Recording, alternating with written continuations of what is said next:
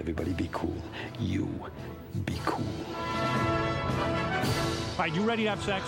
Use a good kiss. We come in peace. We come in peace. You are the motherfucking Antichrist! We're gonna let you go, okay? Ok. Film er best på radio. I'm gonna make him an offer he can't refuse. Nova Noir.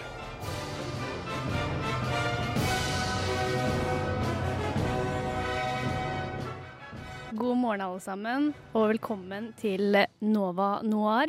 Jeg heter Elise Maria Høkås, og her i studio så sitter jeg med Fam, Vivian Bekkengen og Ina Elisabeth Sletten. Er du der? Hei, her er jeg. Hei. Jeg må bare beklage med en gang om at det er, en, det er meg, en, en, en tullete jente, som sitter på teknikk i dag. Um, så kan hende, sånn som nå når Vivian skulle si hei, så fikk ikke hun lov til å si hei. Men da gjør vi sånn at vi bare sier Og så sitter jeg med Fan Vivian Bekkingen. Nå skal du få sjansen din. Hei. Der har vi den. Der har vi den.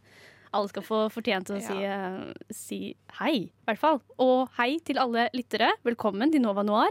Nå er det veldig lenge siden, i hvert fall jeg, eller egentlig eh, vi har vært her. Eh, Ina, du var jo her litt i sommer. Det var jeg. Jeg var her i juni, tror jeg. Hadde en liten sending med Embla og Sondre fra Sorgenfri. Og det er veldig gøy, og veldig gøy at folk har faktisk laget litt innhold nå i sommer. Det er også masse ute på radionova.no som jeg anbefaler alle å sjekke ut. Men nå er det faktisk sånn at eh, egentlig har vi ikke liksom starta med sendinga for høsten. Offisiell sendestart er egentlig 7. september, men vi er bare så sabla ivrige at vi setter i gang nå. Og så er det så mye så mye å snakke om. Det er så mye vi har sett. Alle har jo kanskje Ikke alle, nå tar jeg, litt, jeg tenker at alle har vært mye hjemme også, eller prøvd å være mye mer hjemme.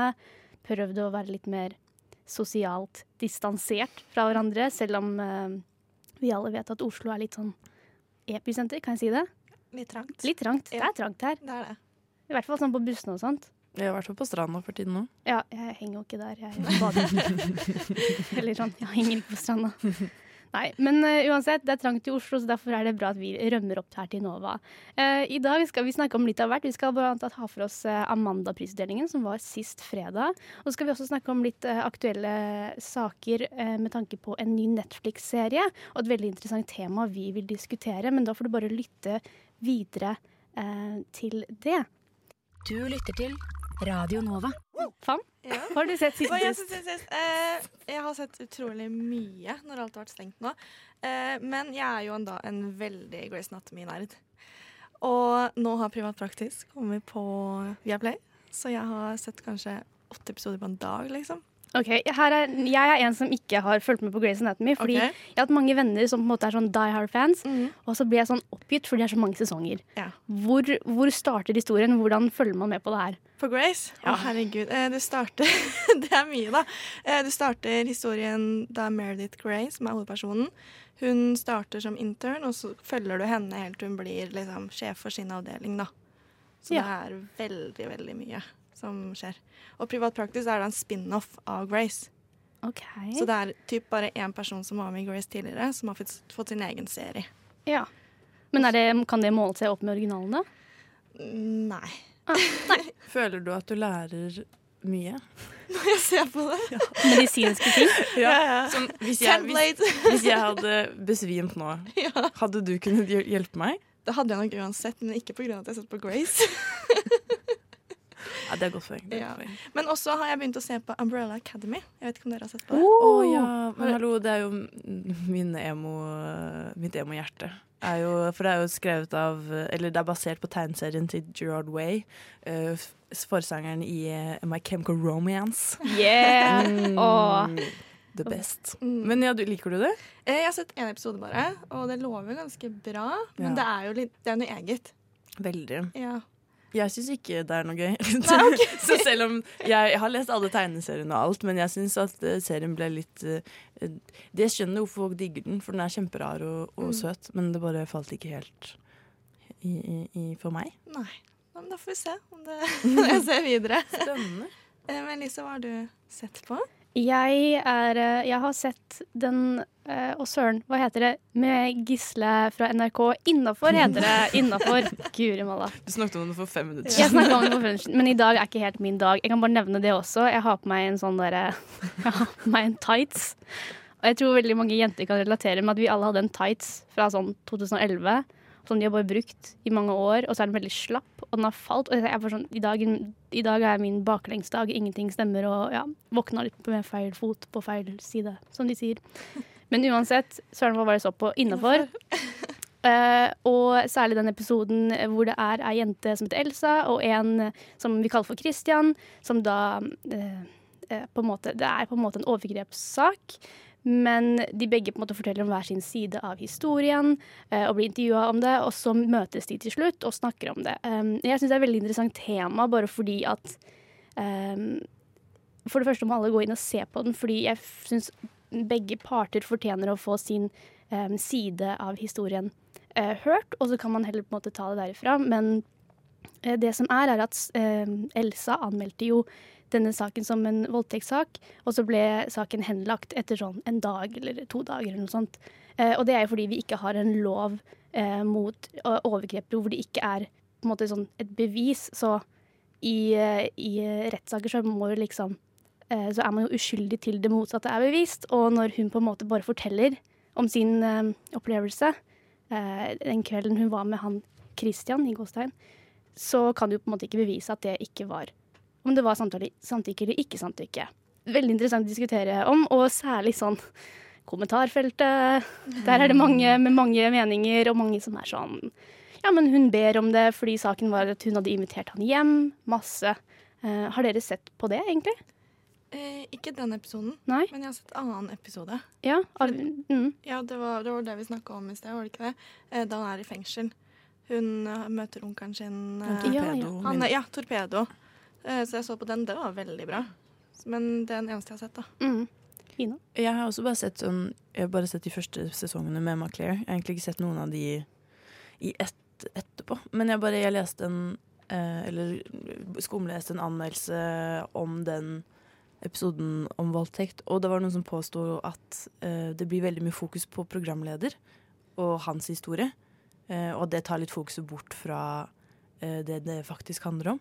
Tenkte du over det når du så den episoden? Ja, men det er noe jeg har tenkt over med innafor-serien egentlig helt fra starten av. At, um, og særlig liksom hvordan de programlederne har jobba, er veldig eh, rundt hva de også føler. Som egentlig skal være litt irrelevant. De skal jo være en nøytral part. Men så ofte eh, har de jo sterke meninger, så de på en måte blir en tredje del av historien.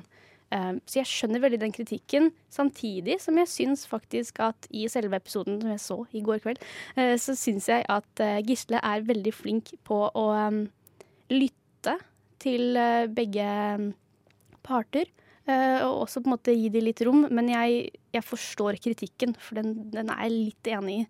Men samtidig så syns jeg at det, vi skal ikke Jeg blir litt sånn oppgitt, for jeg syns ikke vi skal fokusere på den delen av, eh, av episoden heller. Det er på en måte historien om eh, hva som er juridisk sett riktig. Det er det som er interessant, det er det som samtalen må liksom være om. Ja. Ikke om liksom Nei, jeg syns du er litt mer sånn litt sånn Litt for involvert, ja du, Gisle. Er sånn, men, okay, men la oss tenke på saken. Liksom, Holde tunga rett i munnen på det. Men Ina?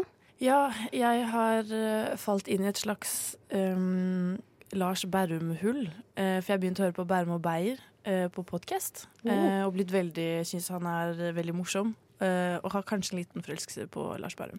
Og det er helt lov, så derfor har jeg også begynt å se på Brille. Fordi han er med i veldig mange Jeg episoder. elsker brille. Ja, jeg Jeg elsker brille. Det er sånn, Hvis jeg ikke har noe annet å se på, bare sånn, ah, jeg vet brille, Men- det blir god stemning. Spørsmål. Ja. Syns dere det har vært bedre eller dårligere etter at han Einar Tørnquist tok over? Jeg har ikke sett på med Harald Eia. Og dere har ikke det? Nei. Jeg har bare sett Harald Eia sin Jeg har eh. Det Eia. Da kan du ikke si at du elsker å se på briller når du ikke har sett de nye sesongene med Einar Tørklist. Jeg ser på de gamle sesongene. Jeg er en sånn brillehipster. Oh, wow, du likte det før du var kul. Jeg likte det før Einar kom inn her. Men det er det som egentlig er litt gøy med de nye sesongene nå. Fordi hver gang, Hvis Einar ikke vet noe, så er det bare sånn Jeg skal ringe Harald, jeg. Ja. Og så er det veldig mye tull og ironi på det. Å, men da, så, da må jeg catche opp på det, da. Det er ganske morsomt, fordi for det første, ja, Lars Bærum er veldig morsom. Og også Mikkel Niva. Mm. Også kjempemorsom. Um, og det er altså sånn, jeg lærer så mye dust av å se på det. For eksempel at Sprite i Norge har mer sukker i seg enn andre land, fordi vi har ikke like sånn streng sukker... Du kan, du, vi har avgift på sukker, men det har ikke så mye å si hvor så mye sukker det er oppi, liksom. Du kan ha så mye du vil. Men visste du ikke det? Nei. Jeg visste du ikke det? Herregud! Nei, nei, men, nei, men du kjenner jo forskjell når du kjøper brus i Sverige, da, for eksempel. Jo. Og kontra Norge, så smaker det jo helt forskjellig.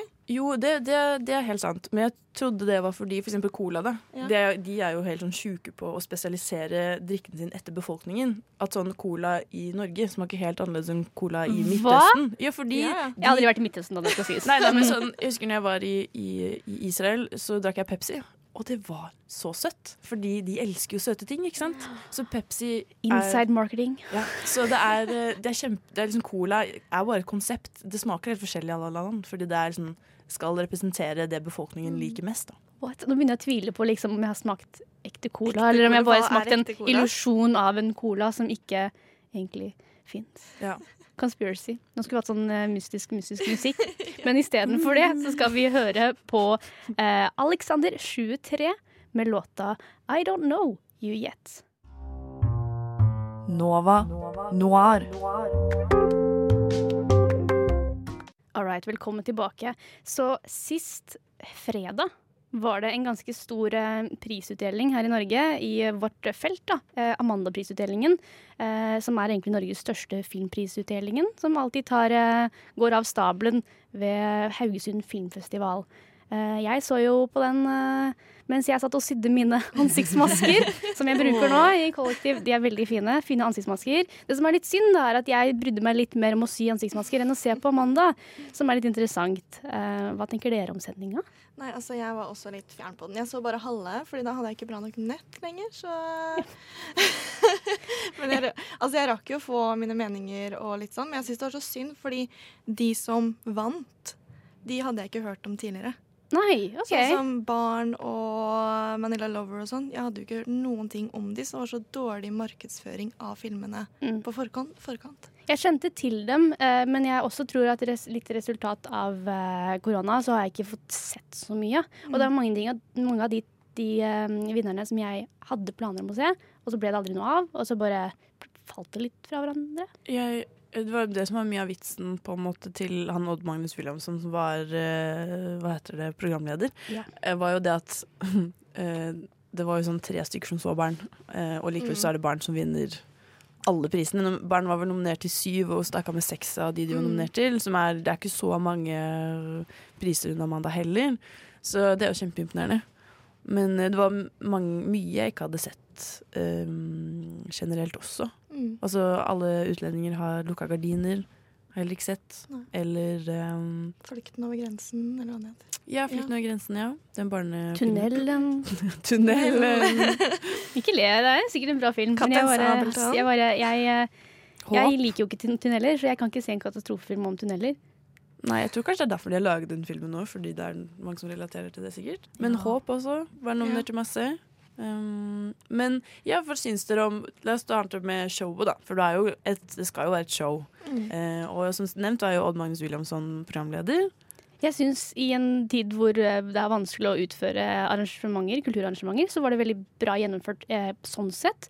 Eh, man så jo at de hadde jo eh, avstand mellom alle mm, de nominerte i salen. Eh, det var liksom et eh, eget show ved siden av, som var Amanda-festen, som var, var greit, det òg. Jeg, jeg er litt sånn som liker å se det og ha mine egne meninger, så jeg trenger ikke kommentar kommentarer. Så jeg skulle ønske at nesten NRK hadde et alternativ. At det var at NRK1 hadde eh, selve utdelinga, og NRK2 hadde Amandafesten. Er ikke det riktig? Jeg så den bare på NRK2. Jeg så den uten show, jeg. jeg Hvordan fikk helt- du det? Jeg, jeg, bare jeg visste ikke at det gikk an å se den uten eh, Eller med kommentarfelt engang. Jeg gikk bare i- gikk inn på NRK, trykket på Amanda-utdelingen. Amanda-utdelingen. sånn, ja. ja. Jeg så også samme som Ina. Hæ, Okay. Så du har sett folk som du Jeg, så det jeg gikk på lineærtv.no og så på showet. Og det er veldig irriterende, for jeg, jeg, jeg, har jo mine meninger, og jeg har jo fått med meg en del. Så det, jeg trenger ikke å ha ekstra, tre ekstra filmeksperter som skal sitte og si ja, men det var hyggelig at hun vant. Ja, nei, men Det skjønner jeg. Det, Ja. Da er vi med på samme.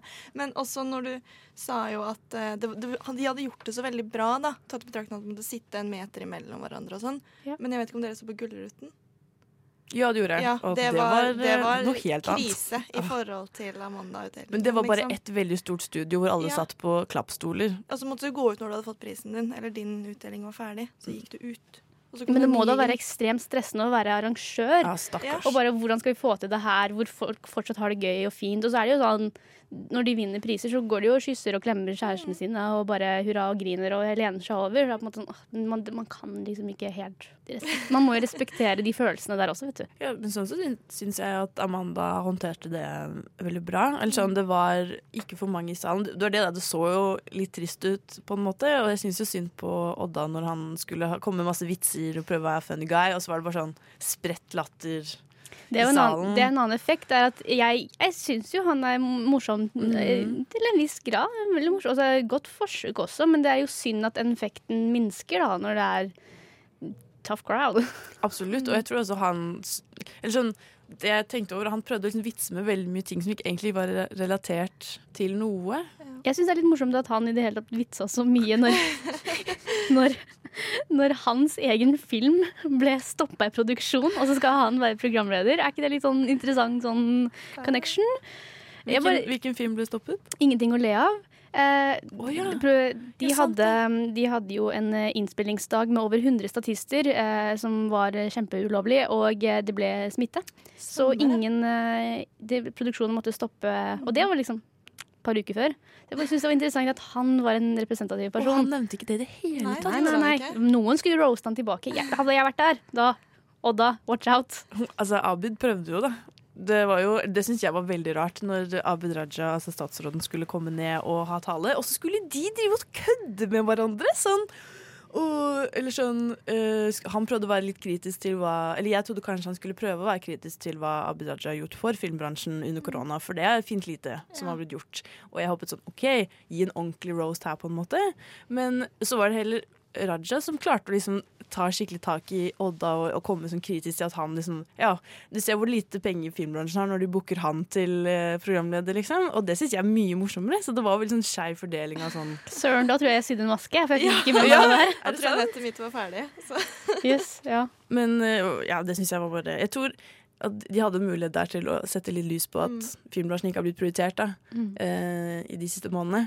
Men det føler jeg ikke at det Men var det Abid. Raja som gjorde det sjøl? Nei, det var, det var det jeg håpet Odda skulle gjøre. Oh, ja, sånn ja. Men han turte det på en måte ikke. Eller virket det som, da. Eller jeg fikk, det fikk, traff ikke meg, i hvert fall, at han klarte det. Um, Og særlig ikke når han er i egen produksjon snart. Og Ja. det er kanskje litt sånn Jo da. Hvor mye skal han gable med sitt eget, eget liv, holdt jeg på å si.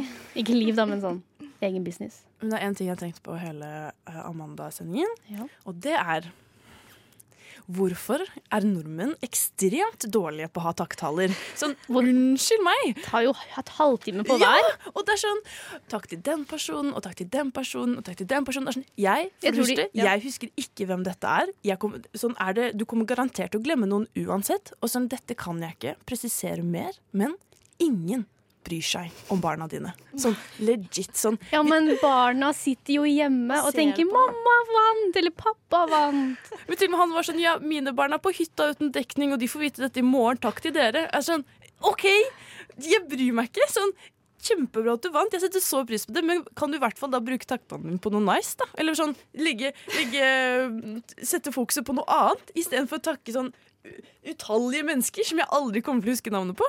Det som er morsomt, er jo filmbransjen er ganske liten, så de takka sikkert alle som eksisterer. Ja, de fikk sikkert ti takk hver, men jeg husker ikke noen av navnene deres. Ja, jeg syns de burde innføre litt mer sånn der musikk for å signalisere at uh, nå skal du slutte å prate. Um, så, sånn som de gjør på American shows. Så hadde det vært litt fint. Fordi jeg, syns- jeg, var- jeg venta på at en tune skulle komme inn, og liksom noen skulle liksom børste dem av scenen. Men det kom aldri. Nei. Men uh, nok frustrasjon om det. Det er jo Det ble jo eh, noen vinnere uansett, eh, og vi har annet sett eh, noen av dem, som vi skal snakke om litt senere. Men aller først så skal du få høre en låt av Boy Made Flower med Text Me.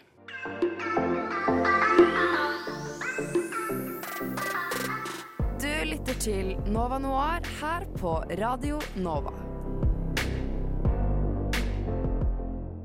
I eh, siste eh, Amanda-pris Søren.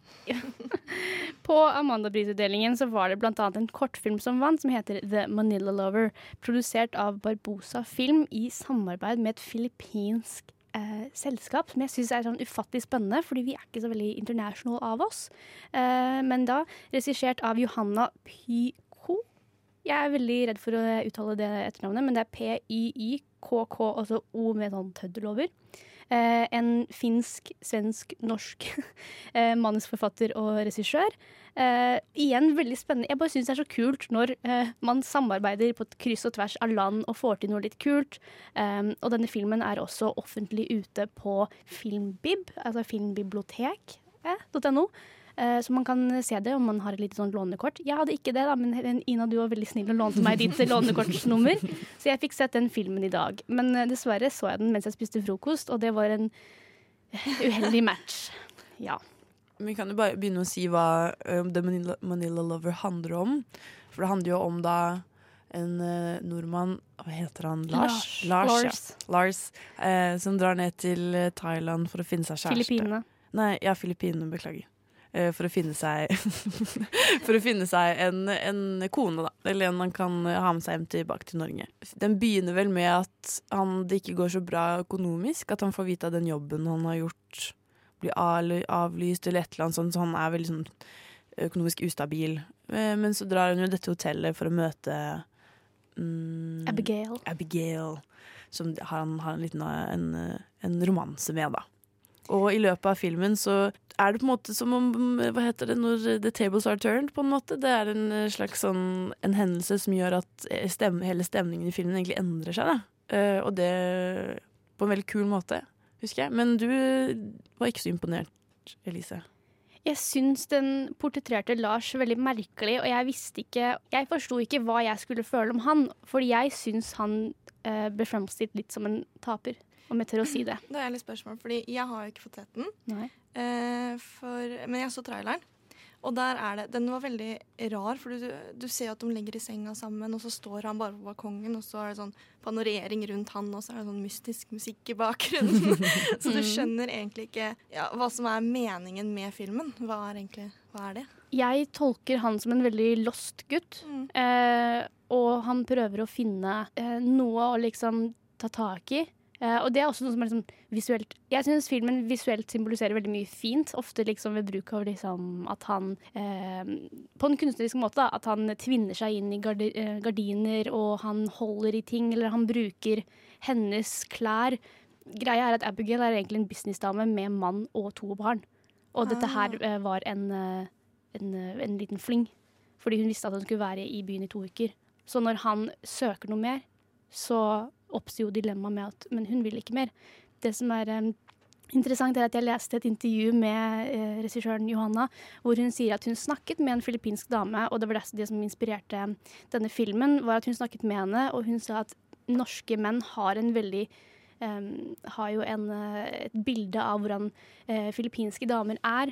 Og det er en, på stereotype som er veldig sterk, eh, og hun vil på en måte bryte med den. Da, at mange menn tror de kan bare dra ned og finne seg en dame eh, hvis de er ensomme og triste. Og det er derfor jeg føler at Lars bare var en sånn trist kar som jeg bare ikke følte med.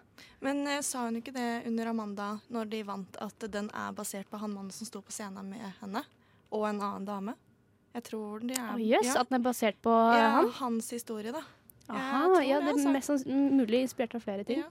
Og jeg, eller jeg husker ikke akkurat hva hun sa, men jeg tror følte det bare var at han representerer så mange, da. Mm. At han, det er så mange der ute som Lars, som drar ned til, til Filippinene for å finne seg eh, en kone som bare gjør Bare for å holde deg med selskap, på en måte. Jeg tror det er veldig vanlig å ha den tanken om ting.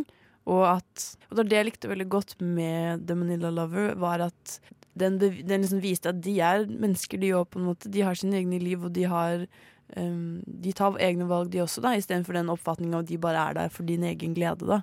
Som mange menn sikkert kan tenke. Vi har jo på en måte litt sånn eh, Ikke spolert til litt, men man skjønner jo litt at eh, the tables have turned. Og da føler jeg at han ble litt sånn, en litt sånn sint Litt sånn sint og litt irritert. Og bare litt Jeg syns han reagerte veldig barnslig på det, og jeg tror derfor jeg liksom misliker det. For jeg, bare, ja, jeg blir så irritert på han, at han tenker sånn. Og det er jo litt sånn kanskje poenget da med Ja, å belyse da- det. Da gjør jo filmen det sikkert det de vil, da. Få deg til å føle på den frustrasjonen. Søren, jeg er så lett påvirkelig på sånne ting. Men det, da, da er jeg helt liksom med på det, fordi det Jeg ble bare sånn Gi deg, ja. Bare ikke tenk på hun som en som din. Mm. Eh, hun har et eget liv. La hun være i fred også, på en måte. Ikke la dine problemer smitte over der. Men syns du den fortjente Amanda-prisen for beste kortfilm? Syns du den var bra sånn sett, liksom? Det som er, er at jeg har ikke sett de konkurrerende, så det kan jeg på en måte ikke si. Men jeg skjønner at den, jeg skjønner at den får um, gode tilbakemeldinger. Men jeg bare, det, er ikke, det er ikke noe jeg ville Jeg vil ikke se den på nytt med en gang, med det snareste. Men uh, jeg syns den var interessant, og så syns jeg det er interessant tema. Og det er bra at det er et litt sånn um, At eh, norske filmprodusenter tør å satse litt. Den ble også premiert i Cannes. Kjempebra at man bare satser stort allerede. Veldig bra for eh, norsk film, syns jeg. Men den ligger også ute, som er veldig fint. Helt gratis. Ja.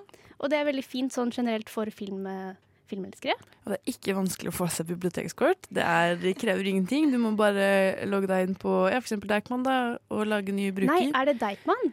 Det Ja, har jeg jo. Ja, det er bibliotekskort. Det er et helt vanlig universelt bibliotekskort. Ikke sant? Så jeg har det. Jeg, jeg hadde uten å tenke over det, Altså, så jeg kunne ikke ha sett den.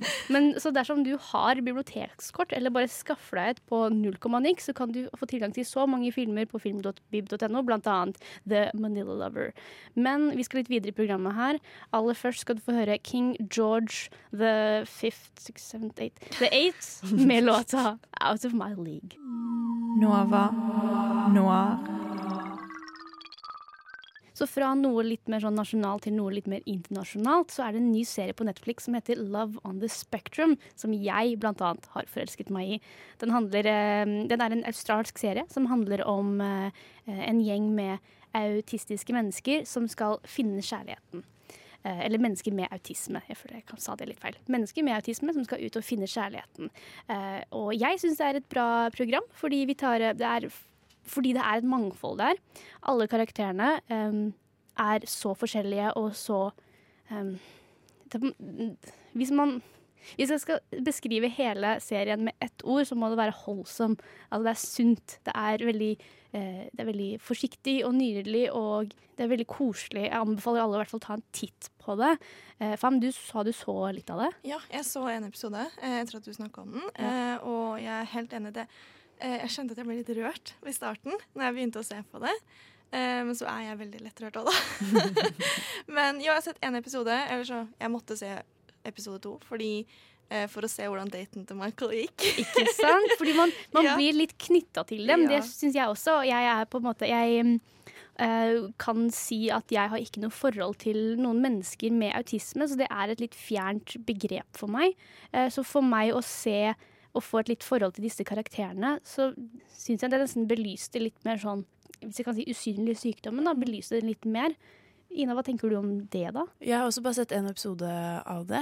Uh, men jeg har jo en lillebror uh, som er autist. Um, så som jeg har vokst opp med, og som uh, Så jeg føler jeg kan Jeg kan ikke mye om autisme, men jeg har blitt ja, eksponert for det hele livet.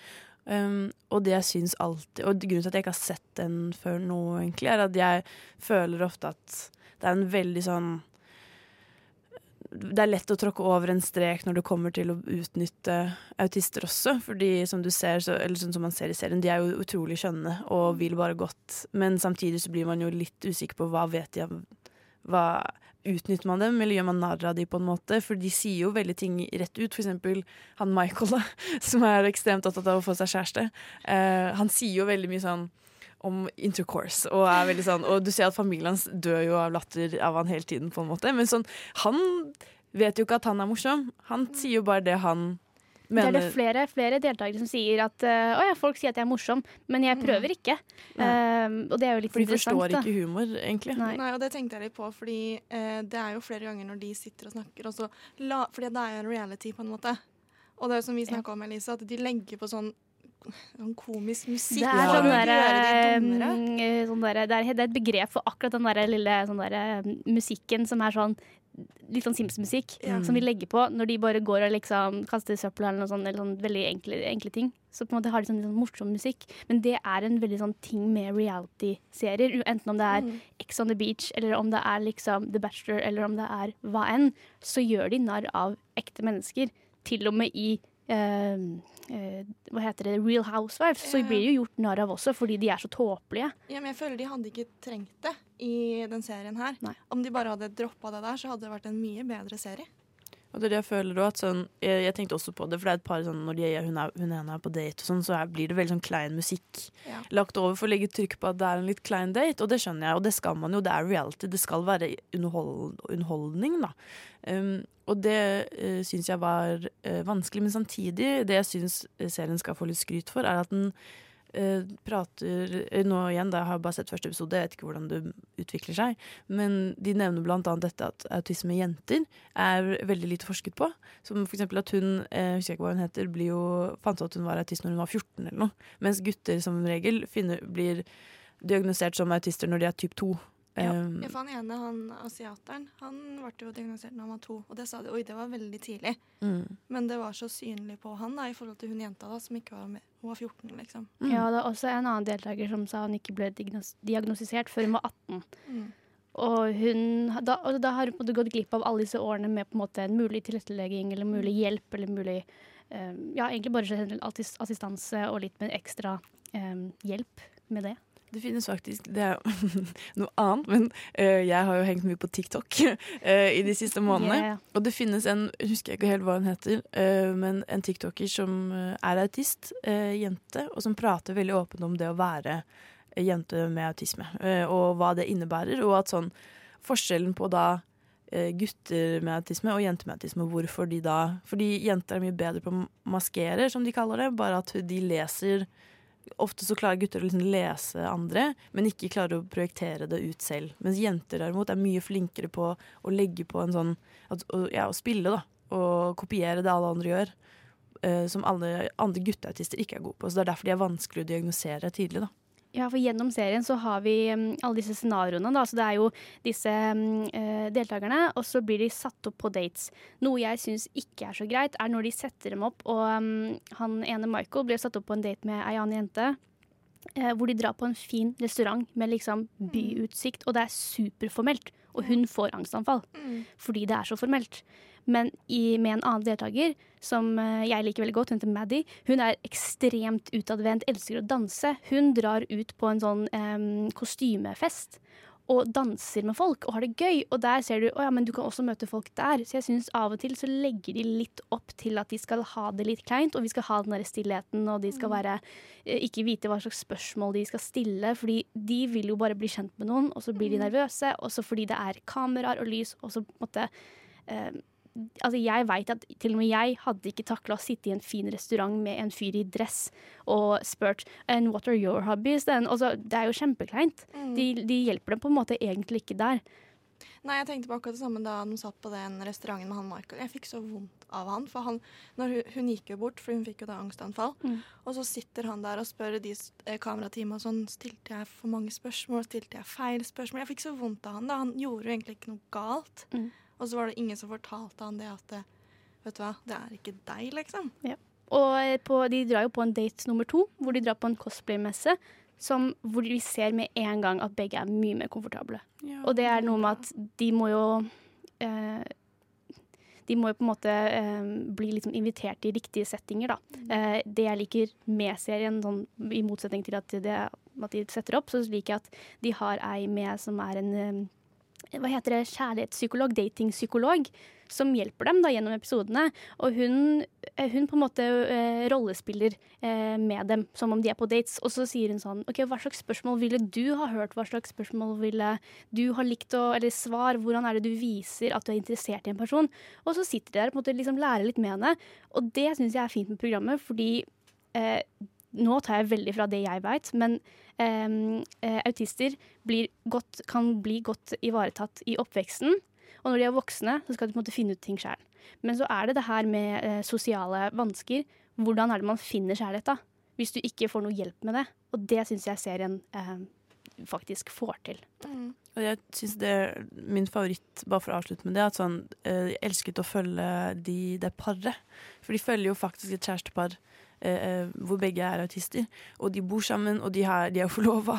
Og det er bare sånn ja, det var det var, det var ja. i en boks og få. Det var ja, Og det var helt fantastisk å bare se hvordan de fungerer sammen og uh, lever sine veldig spesifikke liv. Sånn at eksempel når de skal spise middag sammen, han sitter på gulvet med en pute, mens hun setter seg på en stol rett foran TV-en på en måte, og skal spise middag sammen. på en måte. Og det syns jeg var så flott. Fordi eh, de Eller jeg føler ofte man prater om artister som at de um, lever, er så annerledes fra oss og er veldig spesielle, og det er de på, på mange måter, men de vil bare ha egentlig forutsigbare mønstre og forutsigbare dager, eh, og ting som liksom gir mening for dem.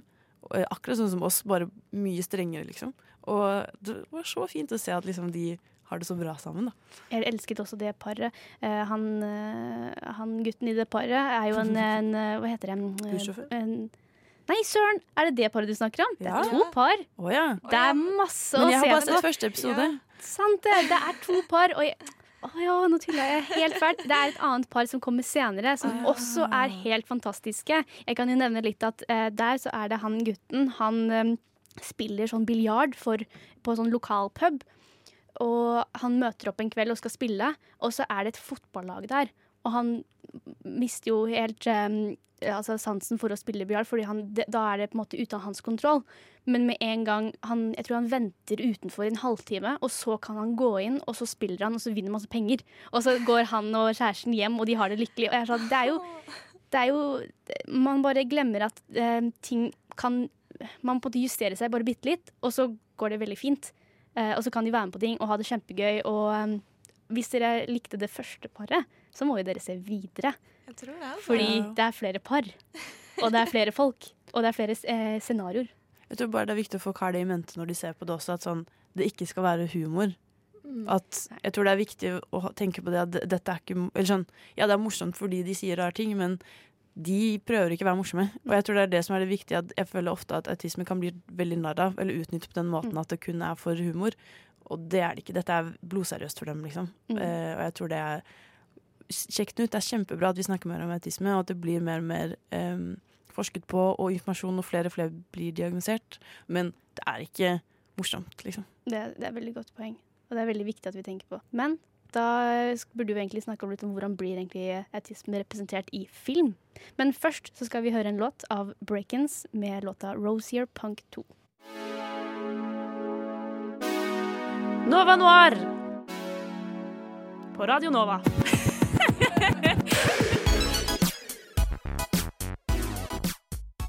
Ja, autisme i film. Vi snakka litt om det da vi snakka om Love on the Spectrum, som finnes på Netflix ute nå. Jeg syns det er verdt å ta en titt. eh, Og eh, Ina, du hadde et veldig godt poeng med at Men det er ikke morsomt, selv om mange kanskje ler av det. Eh, Og det er jo interessant fordi det er jo veldig interessant i det hele tatt at vi tre her diskuterer om autisme når all, ingen av oss um, har det, eller liksom Du har jo litt kjennskap til det da du har en, en bror uh, som er autist, og da på en måte får man litt mer innblikk i det livet, men ingen av oss veit jo åssen det er. Nei, og jeg føler også at det har vært Grunnen til at jeg, som jeg nevnte, at jeg ikke har sett Love on the Spectrum før nå, er fordi jeg har opplevd at uh, autister blir veldig feil, eller sånn feil representert da, på film og serier, for eksempel. La, la oss si bare Big Bang Theory, da. Som jeg har Det sett. er ikke sant. Det på- glemte jeg nesten litt. Ja, Mm, og ikke sant? Eh, Skulle ønske man kunne glemme det litt. Ja. Sånn, sikkert mange som digger det, eller jeg vet det er mange som digger det, men jeg får alltid sånn hver gang Sheldon skal ha et poeng. Fordi han skal representere en med autisme. Ja, en, Svakt, en svak autist, eller svakt um. Eller er det Aspergers eller autisme? Aspergers er en form for autisme, Ja. eh, så Aspergers er Det er som å si ADD, da, på en måte. Mm. For ADHD, det er jo en svak ja. ADHD. Ja. Så man bruker egentlig ikke Aspergers lenger som et begrep. Mm. Um, det er bare at du er svakt uh, på Eller på Nå husker jeg ikke helt hvordan man uh, forklarer det, men du, du er svakt autist, da. Um, så, og det er, tror jeg sjelden Jeg tror ikke det er bekreftet noen gang at han er autist, men han har jo veldig mye av de um, kjennetegnene på f.eks. at han må sitte i den samme stolen i den samme vinkelen hver dag. Eh, og hvis han ikke får lov til å sitte i stolen sin, så er det krise, ikke sant? Som er en veldig stor vits i serien. Ja, og det er det, og det gjøres veldig mye narr av uh, Sheldon og hvordan han tenker på, hvordan han reagerer på ting på. Som jeg husker at jeg ble sånn skikkelig sånn kvalm av på et eller annet tidspunkt og bare ikke orket mer. Mm. Og det føler jeg ofte kan kan oppstå, da. Bare, ja, bare det at du tar opp Big Bang Theory, så kommer jeg på alle problemene med den serien. Ja, den har mye mer enn det her Vi må også. ta opp det senere også, Ja, egentlig, for det er så mye feil der. Ja. Men det er jo veldig interessant, og det tenker jeg litt på med mm, skuespillere. Fordi skuespilleren bak, Sheldon Cooper, er jo ikke autist. Nei. Og da har jo han på en måte, enten via regissøren eller manusforfatterne eller noen andre på produksjonen, blitt fortalt dette er Sheldon Cooper, sånn skal du være. Og så har jo, må jo han på en måte representere det, da. Så på en måte forskjellen mellom fiksjon og reality, sånn som vi nevnte i Love on the Spectrum, så får man faktisk se menneskene. Fordi hvor mange autistiske skuespillere fins, på en måte? Jeg kommer ikke på liksom en sånn Å ja, selvfølgelig han, ja. Eller hun, ja. Eller noen. Er ikke det merkelig? Fordi vi har jo mange filmer om autisme. Ja, det er sikkert mange som har det som vi egentlig vet hvem er, men som ikke er kanskje veldig åpne om det. da. Ja. Det blir jo litt sånn som epilepsi, da, som jeg også har. Ja. Hadde jeg vært en stor kjendis, så hadde ikke jeg stått og snakka foran alle at jeg hadde epilepsi. Hvorfor ikke? Nei, altså Jeg kunne ha sagt det, men jeg tror ikke Mm. det var det jeg ville hatt fokus på. da, på en måte, Fordi det er de stereotypiske Ja, som vi snakka om tidligere, at eh, det er i filmer og sånn der også. Ja, og da har du det, ja. Nei, jeg har ikke det. Det blir veldig Du blir satt i en boks, da. Og det er så kjedelig.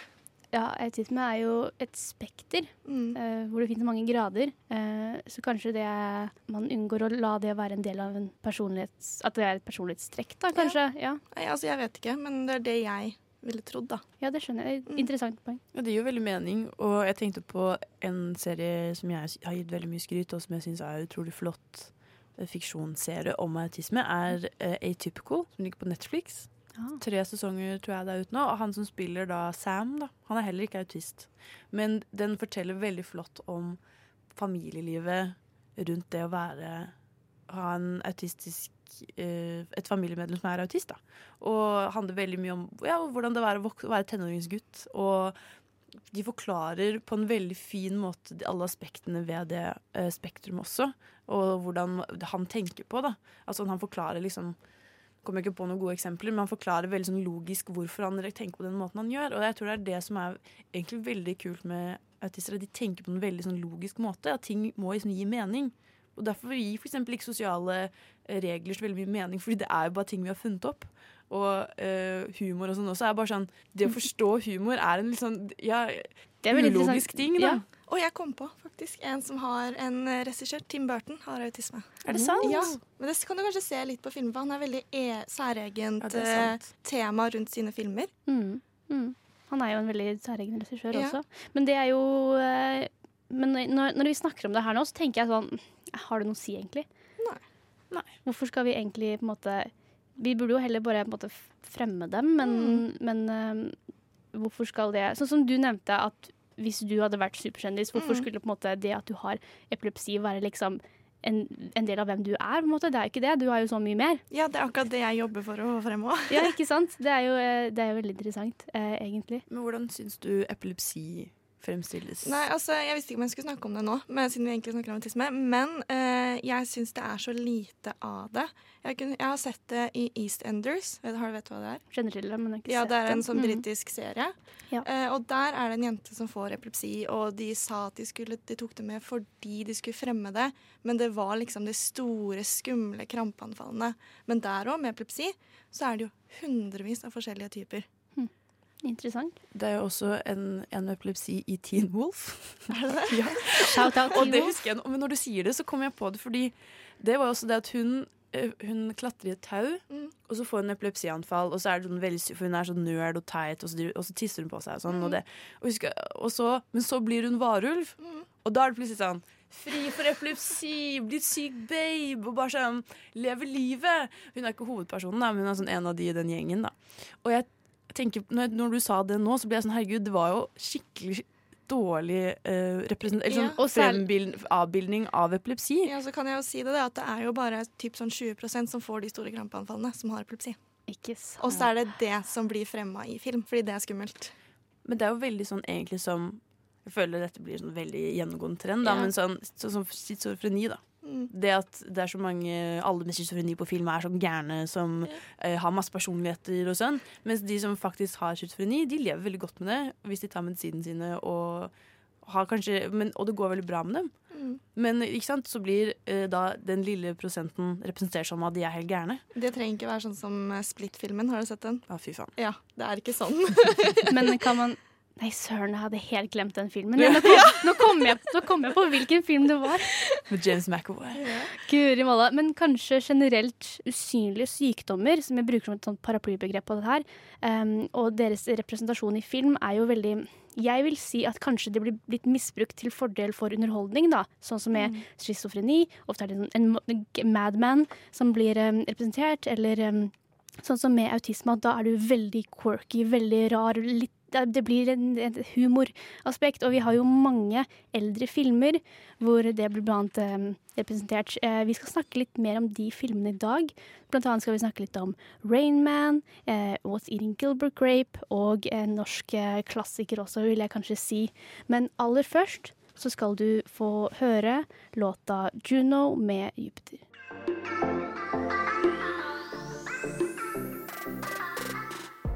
Lytter til Nova Noir her på Radio Nova. Det er fortsatt Elise i studio sammen med Fam og Ina, og vi snakker fortsatt om generelt litt sånn representasjon av autisme i film. Og da skal vi ta for oss en film som jeg føler er et, um, en liten klasker, fordi det er uh, Rayman, som ble utgitt i 1988. Og, og er uh, en stor suksess. Vant bl.a. Best Picture um, på Oscar-prisutdelingen, og har egentlig satt en litt sånn interessant et litt interessant fotfeste for autister. Da. Eh, særlig med at det er ofte blitt det er ofte blitt en sånn ting at folk kjente til autisme etter den filmen. Det er litt sånn kulturelt uh, info uh, om, om, det, egentlig. Uh, men så er det litt gøy å gå tilbake og se på hvordan er det den gjorde det på 80-tallet, versus hvordan kanskje serier gjør det i dag.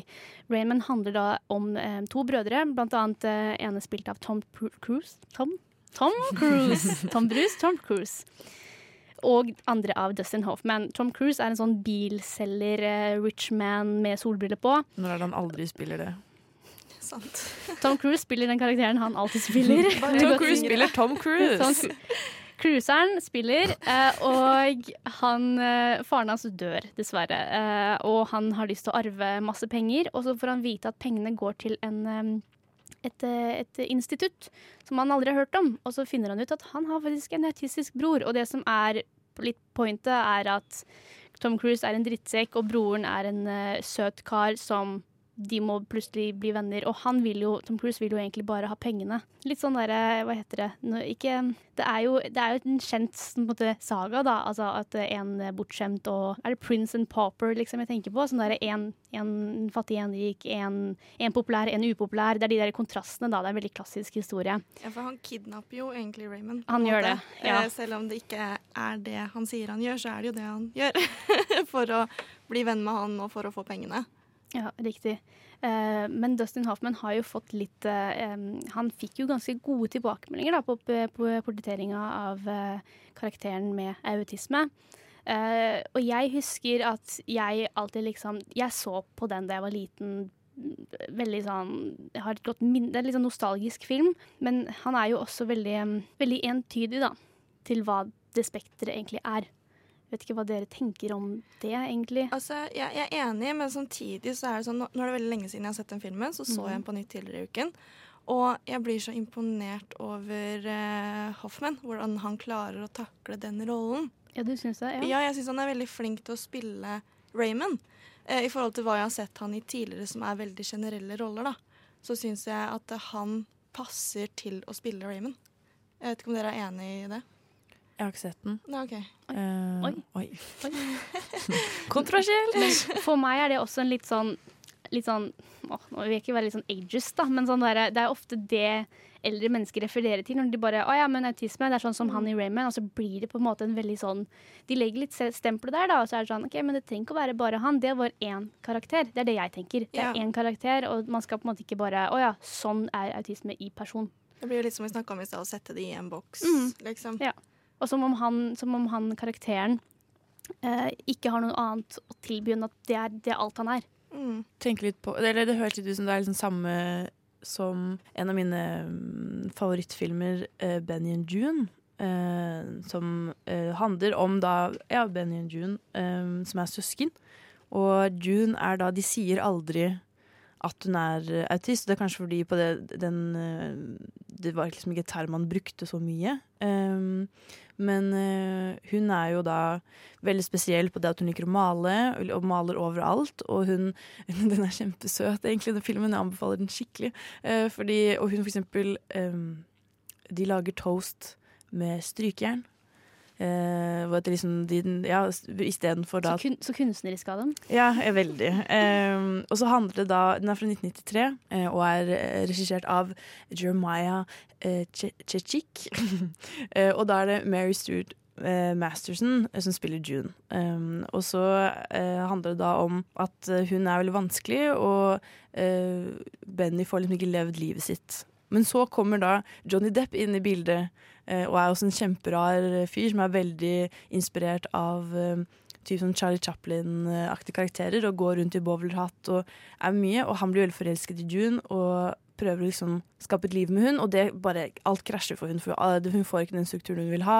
Alt bare eh, faller fra hverandre. Så de prøver liksom å finne en sånn mellomvei, litt sånn som de har gjort da i Love on the Spectrum. da. Eh, finne en, en måte å le, leve i symbiose med hver sine rare greier. Og den føler jeg også at det er bare en form for autisme. eh, Eller en form ja, det å være på spekteret. Og det er jo ikke en fasit på noen ting, men det er veldig kult uansett at det blir fremstilt på en eller annen måte, da. Mm, men jeg er veldig enig i at det, det høres jo veldig likt ut som Rain Man. Mhm. I den forstand. Eh, og det er jo en veldig fin historie med tanke på at den er fra 1988. Og de skulle lage en film for å fremme en forståelse. Jeg, altså jeg begynte å lure litt på hvor stor var forståelsen av autisme på 80-tallet? I forhold til at filmen er faktisk laga sent på 80-tallet. Og det har sikkert vært helt annerledes om det ble laga i dag, for nå vet vi veldig mye om autisme. Så jeg satt og lurte litt på det når jeg så på den. Hvordan det var, hvordan, Kanskje er derfor den ble så godt tatt imot, da. For Altså- det var noe nytt. Og så er det slik at uh, siden uh, de årene så kom da Benny June i 93, tror jeg, og Mm. Force Gump i 94. Mm. Så kanskje det at folk likte altså folk syntes det var fint å ha litt eh, annerledes karakterer. Og ikke vanlig kanskje helt uh, steite eller helt hva enn, men å ha litt mer litt sånn interessante karakterer med å vise litt forskjellige forskjellige liv.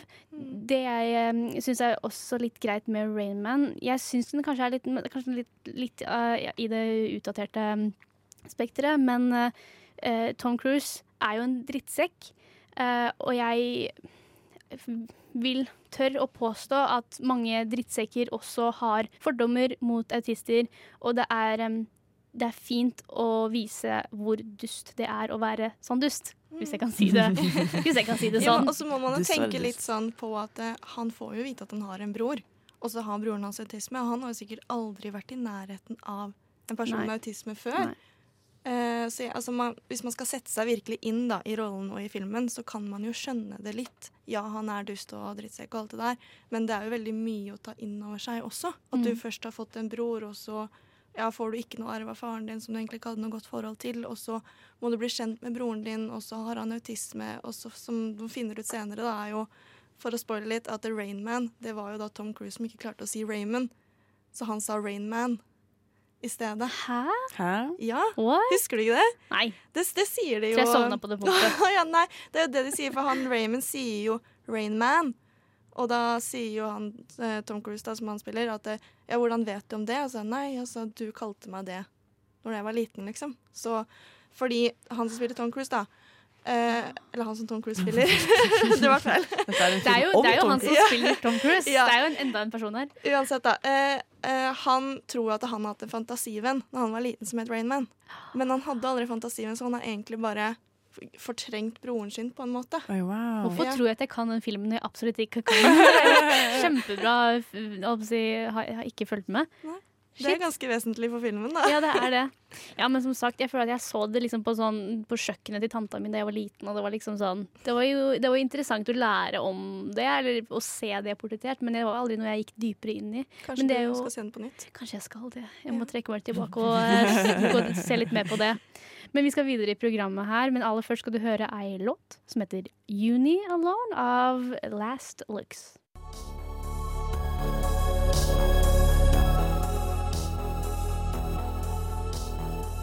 Du lytter til Nova Noir. Ina, du nevnte Benny and June, som er en film fra 93. En annen film fra 93 med også Johnny Depp i, er What's Eating Gilbert Grape. En film som handler om Gilbert Grape eh, og familien hans, og egentlig den eh, lille byen de bor i. Um, som også er altså, Egentlig det vi vil trekke fram, er jo da eh, Johnny Depps karakter sin bror, eh, som da også er autist. Det er jo Gilbert som er hovedpersonen. eh, og han jobber jo da i en liten dagligvarebutikk i Iowa, der de også bor. Og liksom han må jobbe for å forsørge familien sin, sine tre yngre søsken, og moren da som er veldig overvektig, fordi hun har ikke forlatt huset siden faren tok sitt eget liv for syv år siden da, i filmen. Eh, Så hun sitter egentlig bare i stua, eh, spiser mat og ser på TV. Og i tillegg til det så har de da en lillebror, spilt av Leonardo DiCaprio, som heter Arnie. Og han har jo De sier aldri hva slags eh, diagnose han har, men det nærmeste man kommer, er jo da autisme. For han, ja, han har veldig lignende trekk da, til det man forbinder med autisme, da. Men at det er litt tyngre Mm. autisme også. At Ja. sånn han har mye, um, mye tics, eller Mm. sånne bevegelser, da, og klarer ikke å prate så godt. Ofte så ser man jo liksom veldig høyfungerende autister på TV, Ja, ja. mens uh, han Leonardo DiCaprio spiller er jo litt vanskeligere igjen, da. Mm, og han ble jo Oscar-nominert for den rollen også. Og han var jo bare 18 år når han spilte en gutta som var 17 eller noe sånt. Så Lille talentet. Ja, så jeg syns prestasjonen til Leonardo DiCaprio i den filmen er helt sykt bra, liksom. Og ikke minst altså, Det er jo en av mine favorittfilmer. Eh, og eh, det er ikke bare pga. prestasjonene til DiCaprio og Johnny Depp, men det er fordi det er en film som er Den er lett å se på, og det er en fin historie, og det er en litt annerledes film. Det er ikke de typiske dramafilmene. Eh, sånn som Lasse Hellstrøm, da, som har regissert den, han har jo også laga Safe Haven, eh, Dear John og Hachiko. Men jeg føler de er litt sånn typisk dramafilm. Oi, wow, det var veldig sprikende film. Eller, sånn, Ja, ja. eller veldig annerledes fra Eating Gilbert Grape, Ja, fordi det. sånn uh, Dear John og Ja. Safe Ja, ja. er jo bare sånn Ja, OK, ja, det visste jeg ikke. Jeg ble litt sjokkert. nå. Litt sånn klissete, romantisk. Ja, veldig. Ja, Og så har du da Gilbert Grace, som er, fokuserer mer på at eh, Gilbert skal finne sin plass i verden, og han vil egentlig ikke ha den farsrollen i familien, da, men han får det automatisk. Og til slutt så går det jo så langt at eh, Eller han har en sånn policy at ingen skal røre eller ingen skal ta på Arnie, da, lillebroren hans, uh, utenom Gilbert. Og det går jo så langt at uh, Gilbert blir jo så lei fordi han finner en dame, og så skal han uh, litt, tilbringe litt tid med henne, da, være litt alene og sånn.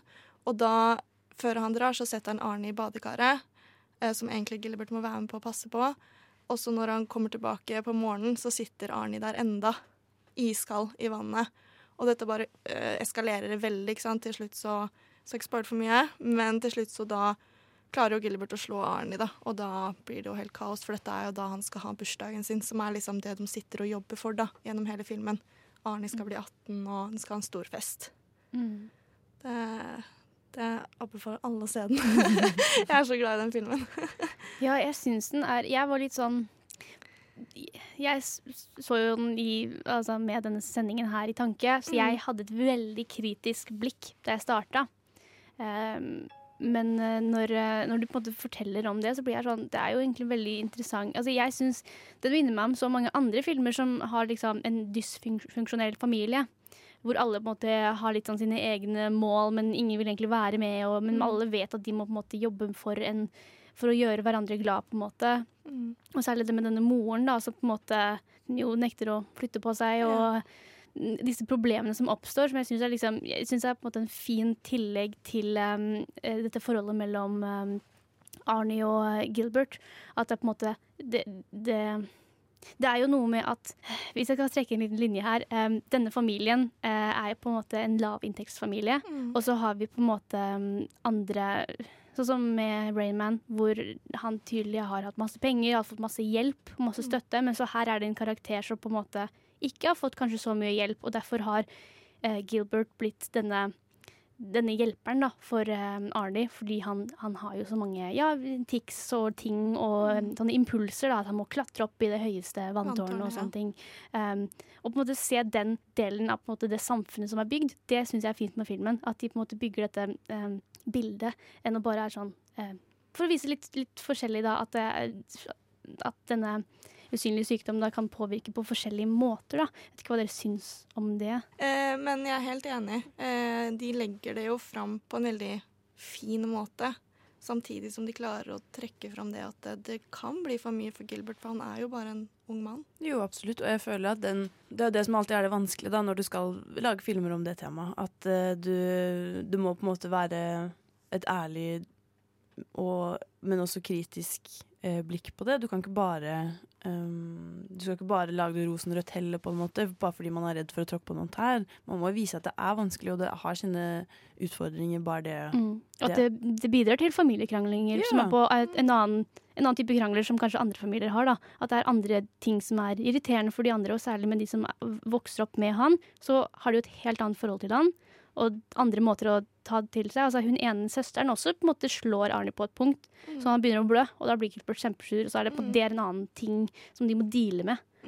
Du husker jeg når jeg så på øh, Det er det som uh, resonnerte så mye med meg når jeg så Atypical, fordi den viste veldig en uh, virkelighet som jeg hadde levd med, da. Eller sånn min familie.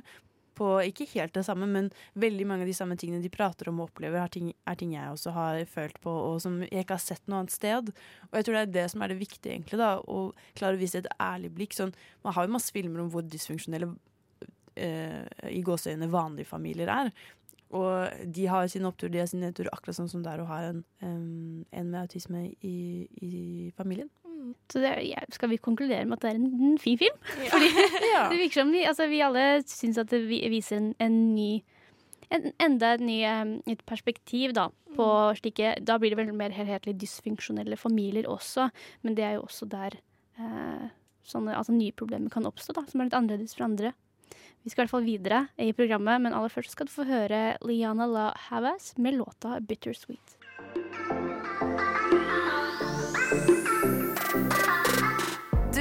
Til Nova Noir her på Radio Nova.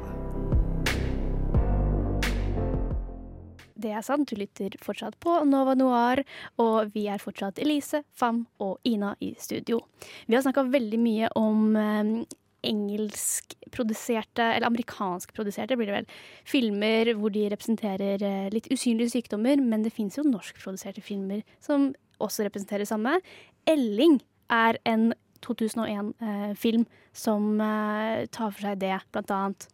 Ja, eh, Der møter vi jo Sven Nordin og Per Christian Ellefsen, som spiller Elling, og Kjell Bjarne. Eh, Det er jo da to gutter som sliter veldig med angst, og de bor jo sammen på et sånt eh, heter det, sånn behandlingshjem. Eh, og så finner jo disse gutta ut at eh, nei, nå skal de ut i verden, og de skal, møte, de skal liksom ta på seg utfordringer da, som de egentlig ikke er komfortable med. Så gjør de jo det sammen og flytter til en trygdeleilighet på Majorstua. Og det er egentlig bare det det handler om. At det er et mareritt å gå i butikken, da, eksempel. Så da kan det hende han får angstanfall, da, han eh, Elling. Og da er Kjell der. Og eh, var ikke Kjell? Jo, det er Kjell han heter. Husker egentlig ikke helt. Uh, Kjell Bjarne. Kjell Bjarne. Ja, for jeg, jeg satt der. Er det Bjarne, eller er det Kjell? Det er begge deler, altså. Det er Men har ikke også De har jo en sånn um, kontakt. Han har også dobbeltnavn. Han er fra Stavanger, tror jeg. Reindun? Han som, han som fører de til leiligheten, han som kommer og sjekker at de gjør det de skal og sånn. Eh, Det husker jeg ikke. Jeg vet at det er en eldre mann med, men jeg husker ikke Han som røyker så sykt mye. Å nei, jeg husker ikke hva han heter. Tydeligvis må jo oppdatere oss på det her, da. Ja, altså, det det, er jo en, en, en gammel film nå, da, i hvert fall. Ja, fordi jeg husker jo Jeg så den kjempemasse på VHS da jeg var liten. Jeg har den fortsatt på VHS. Men altså, jeg kjenner jo nå at det, det er kanskje på tide å se den igjen, fordi det er så lenge siden. Og det er jo en kjempekjent norsk film. Det var jo Oscar-nominert og hele pakka. Frank Åsli, altså han som spilles av Ah. Jørgen Langhelle. Han er jo den kontakten som er så sinna på dem hele tiden. Men ja, fortsett. Og ikke dobbeltnavn der, da. Nei. Nei, Beklager. Frank. Fake news. Fake news. Jo, så er det jo det at eh, siden de har angst, da, så tar de for seg sånne små hverdagslige problemer som personer med angst Nå har, vet jo ikke jeg så veldig mye om å ha angst, men det filmen i hvert fall tar for seg, er det å gå i matbutikken, hvor tøft det kan være, og det å møte kvinner, ikke minst. For Elling er jo en veldig sjenert type, mens Kjell Bjarne er litt mer frempå. Så de, liksom, de pusher hverandre. Så det er jo et veldig fint vennskap, da. Jeg syns det var en skikkelig Altså, de to, selv om de sånn åpenbart hater hverandre på noen aspekter, men sånn eksempel når de får julegave av hverandre Og han har sittet og klippet i fyrstikker og bygd hele blokken deres i fyrstikker og lagt dem Eller dukkehus, da. Og han blir helt sånn 'herregud, så flott'. Og så får han Kjell, Kjell Bjarne får en klokke med en dame på, og han blir også helt sånn 'wow, dette er den beste gaven jeg har fått'. Jeg ble så rørt. Jeg følte meg så teit der jeg satt og var sånn Å, jeg fikk tårer i øynene, for jeg syntes det var så hyggelig. Ja, det er veldig fint. Men jeg eh, har fått med meg en liten nyhet, skjønner dere. Fordi Ingar Ambjørnsens Am- Oi, oi, oi, beklager. Ingar. Ingar Ambjørnsens, eh, som er da forfatter bak liksom hele Elling eh, Bokserien. Bokserien, ja. Eh, har eh, blitt Rettighetene til den eh, nyeste boka har blitt kjøpt opp. Og det er litt snakk om produksjon. Jeg, eh, det her er mine skildre er bare VG. Eh, men det er veldig, eh, veldig gøy. Og så står det også at um, Eh, Per Kristian Ellefsen er førstevalget til å spille Elling på nytt. Så kanskje er det noe vi skal glede oss til. Kanskje det kommer mer av det. Og det syns jeg bare altså, Noe vi kan på en måte liksom smått konkludere allerede nå, da er at representasjon av usynlige sykdommer um, Det må bare Det er jo så mange uh, nyanser av det. Og da må bare forskjellige versjoner hele tida representeres. Du kan ikke på en måte si og sånn er det. Uh, og at alle tror at uh, Rainman er det som er autisme, eksempel. Eller at eh, Arnie Grape er autisme, på en måte. Men så også at det finnes forskjellig eh, forskjellige Hva heter det? Spekteret er veldig vidt. Um, og det kan også være veldig interessant om det blir en ny Elling-film. Det får vi bare håpe og glede oss til. Nova Noir. Vi tok for oss en realityserie tidligere i sendingen som heter Love on the Spectrum, som er ute på Netflix. Men Norge lager jo realityserier, vi også. Det er en ny serie på NRK som heter Ikke spør om det.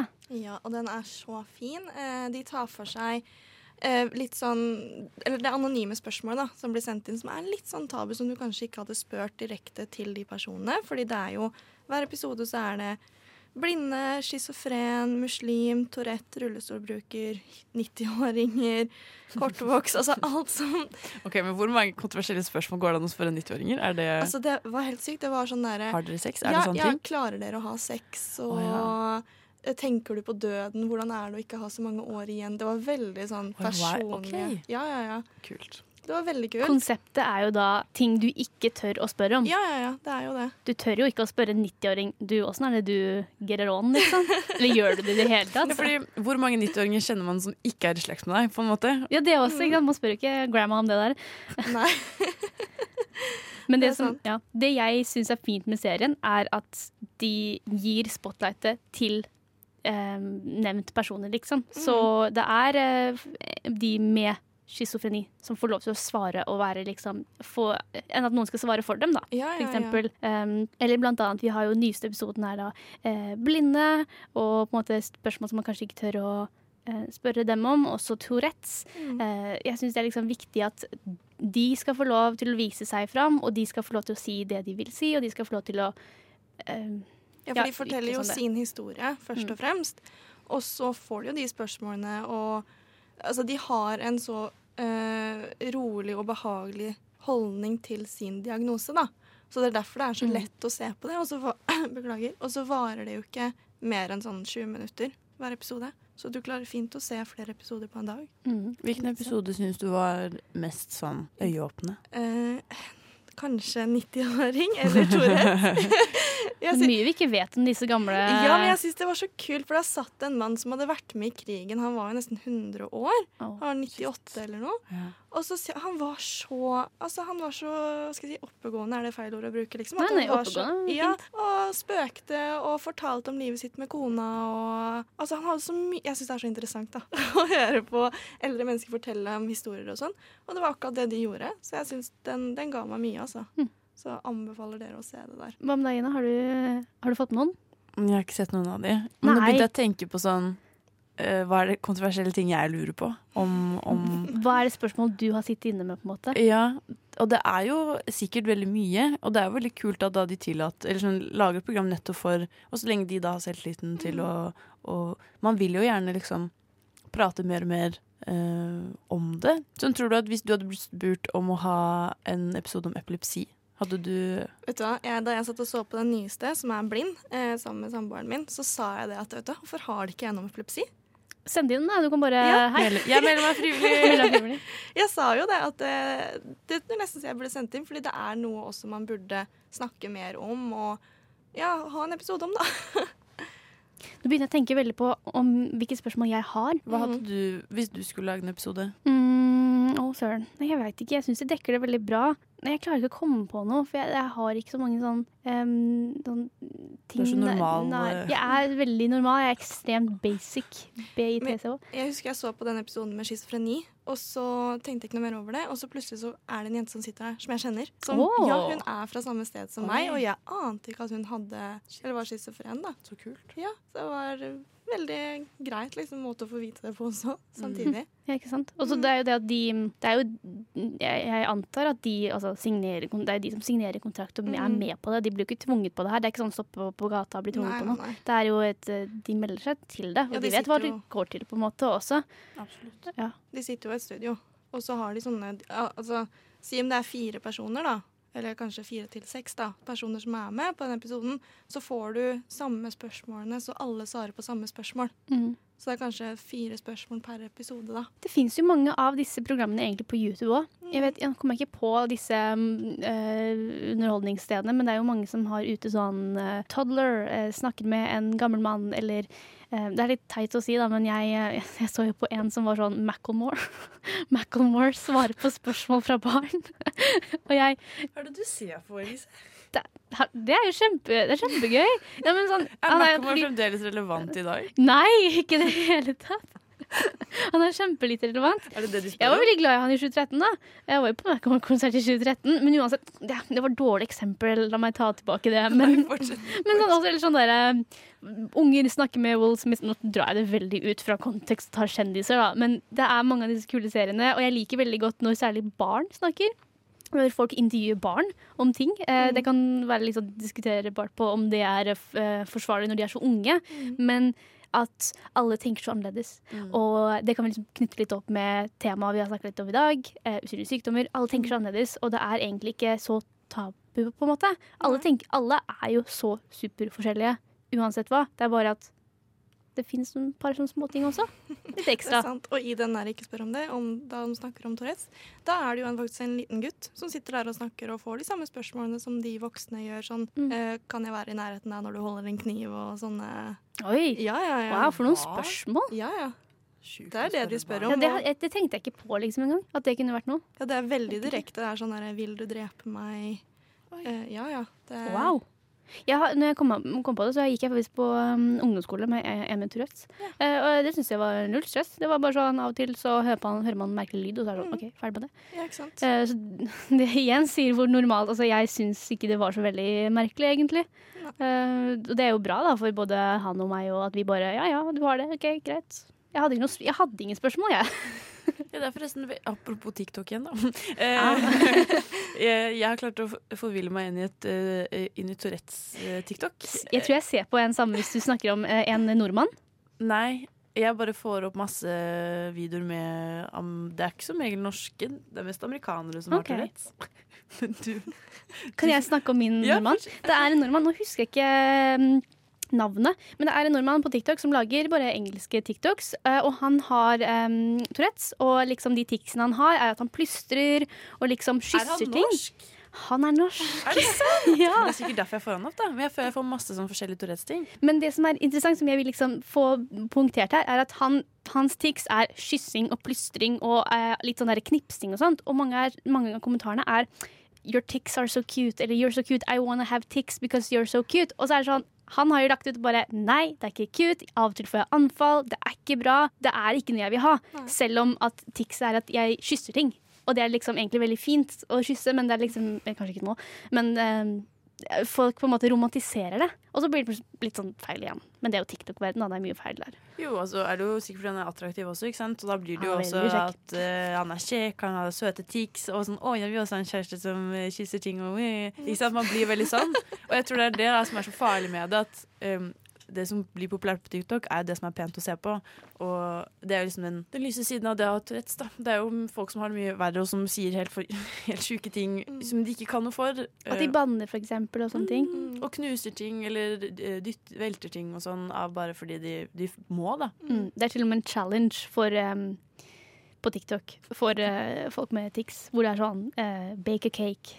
Ja. Ikke sånn knus eggene, hvordan skal du få til det, og sånne ting. Og så- ja. Eller bare holde et egg. Ja, ja, holde et egg også var én, men jeg har også sett noen bake. Uh, og noen sett liksom lage, ma lage mat, og så, har de, og så filmer de det. Og det er jo litt sånn tosidig, fordi de lager jo på en måte humor. Uh, men det er jo de som lager det, så de tillater det, og de vet Ja. de får likes av det. Så det er jo på en måte greit i den forstand, men samtidig så er det jo alle som ser det, syns det er enten søtt eller morsomt, eller bruker det som underholdning, da. Så det er jo litt sånn Jeg syns det er litt sånn Jeg vet ikke hva jeg skal føle om det. Men er ikke det en litt sånn fin måte å ta kontroll over sin egen sykdom? Jo, egentlig, kanskje. Ja, jeg Ja. syns det. Det er jo de som poster selv, Mm. og de vet de får god respons. Mm. Og så tenker de kanskje kanskje det er noe bra med det her, da. Bruke det til, til som fordel. For TikTok-fame, det er jo Det er det som teller. Det er det som teller akkurat nå. Men uansett, ikke spør om det på NRK. Et veldig interessant program som legger litt lys eh, på alle disse forskjellige Det er jo det er ikke, altså 90-åring vil jeg ikke akkurat kalle en usynlig sykdom. Nei, men misforståtte mennesker, da, kanskje. Misforståtte mennesker. Det var Ja. veldig fint ordlagt. Misforståtte mennesker ligger ute på NRK TV. Men vi skal snart rappe opp her. Men aller først skal du få høre en låt som heter Sig Mig av Markus Gordon. Så i dag så har vi snakka om litt av hvert. Det har vært Amanda-prisutdeling, og vi har snakka litt om Manila Lover, som er en kortfilm som vant. eh, Og litt om våre tanker rundt det. Eh, Men så har vi mest av alt snakka om representasjon av autisme i film, men også andre som vi har nå konkludert med at vi kaller for usynlige sykdommer. Da. Eh, og jeg tror, vi kan, jeg tror vi er ganske enige på mange av disse punktene. At det viktigste er kanskje å ha en vid representasjon. Jeg syns det i um, Love on the Spectrum, som er på Netflix, reality-serien, um, viser mange forskjellige mennesker hvor alle reagerer så forskjellig i sosiale settinger at det er egentlig det var det som åpna øynene mine litt da, før, um, før denne sendingen. At å ja, det er jo så forskjellig. Det er ikke bare Rain Man eller det er ikke bare Gilbert Grape, men det er også liksom mennesker som eh, er superutadvendte og egentlig veldig sosiale. Men så de, får de av og til liksom et litt angstanfall rundt det, og litt sånn sånne ting. At man forstår at alle er ulike individer, syns jeg. Det handler jo egentlig bare i bunn og grunn om at alle har lyst til å bli sett, og alle har lyst til å se seg selv på skjermen og, og se en historie som resonnerer med seg selv. Og det, vi er jo på vei dit sakte, men sikkert. Og det, det, det er så mange som, vi, som trenger å bli eh, fremstilt og gitt oppmerksomhet, at det er jo umulig å tilfredsstille alle. Men med serier som Love on the Spectrum så går man sakte, men sikkert nærmere, da, i hvert fall. Og legger, føyer til listen med, med eh, ting man kan se på for å bli mer opplyst. Har du en favoritt eh, fra dagens eh, utvalgte serier og filmer, fram? Jeg? Ja. Nå er jo Gilbert Grape min favorittfilm. Ja, sant, sant, sant. Som jeg sa i stad, så det blir litt sånn Føler jeg litt utro, men jeg velger noe annet. Ja. ja, du skal få lov til å ha Ja, den. men, men jeg var veldig overraska over den Netflix-serien også. Love on Spectrum? Ja, Love on Spectrum, ja. Nei, fordi det er jo det som Jeg, bare, jeg syns er kjempefint. Jeg håper på en sesong to. Mm. Men det er, det er jo også fordi at jeg har bygd et forhold til disse menneskene nå. De har gått på um, mislykka dates, og jeg har lyst til å se dem eh, lykkes videre. Og jeg har lyst til at de skal være mer med hun psykologen. Jeg har lyst til at de skal ha mer sånn eh, samlinger. Det, det er jo jeg, jeg syns det er bare veldig mer viktig. Og samme som vi nevnte også, at i serien blir det jo fortalt at jenter blir ofte mye senere diagnostisert. De får mye mindre hjelp. Eh, og det må jo endres. Det må jo ikke være sånn. Det skal ikke være sånn heller. Eh, og kanskje det er noen unge jenter da, som ser serien og kjenner seg igjen. ikke sant? Så kan det hjelpe. Og det er jo, Netflix er jo så supertilgjengelig også for mange. Absolutt. Så det kan også være, eh, være behjelpelig. Men eh, hva med deg, Ina? Har du en anbefaling for et tema? Ja, altså, det var den jeg nevnte, Benny and June. Benny and June, ja. Kjempeflott. Uh, veldig, veldig god film. Uh, selvsagt da, Den er fra 93, så den har jo ting som er litt sånn ikke helt Ikke hadde, ikke hadde blitt gjort i dag, for eksempel. Da. Men uh, okay. jeg syns fortsatt den er veldig kul og gøy å se en veldig ung Johnny Depp. Og nei. Jeg tror Uansett så er det jo så mye der ute. Det er jo liksom, det er bare et Google-søk unna, på en måte. Bruke våre verktøy som vi har foran oss. Men hva er det vi gleder oss til å se videre, da? Det er vel Tenet, da. Tenet. Den filmen som har blitt utsatt så mange ganger at jeg blir litt sånn irritert. Men jeg tror jeg skal se på den neste uke, om jeg ikke tar feil. Den er jo filma i Oslo. Har vi noe lært? Og mest sannsynlig så kommer vi til å ha sending neste uke, og kanskje det kommer en liten anmeldelse av Tenet inn i din det. Og det er jo bare gøy. Det er jo mye som kommer og skjer, og det er vi veldig takknemlige for i en verden hvor content er viktigere enn noensinne. Men uansett, du har hørt på Nova Noir. Jeg har vært Elise Høkås. Eller jeg er fortsatt Elise Høkås, søren. Du har også vært med Fam. Ja, Fameking har vært med. Og Ina Elisabeth Sletten har vært på teknikk. Yes, tusen takk, Ina. Tusen takk for at dere hørte på. Det var veldig bra, Ina. Takk for at dere hørte på. Ha en god torsdag videre. Ha det bra. Ha det.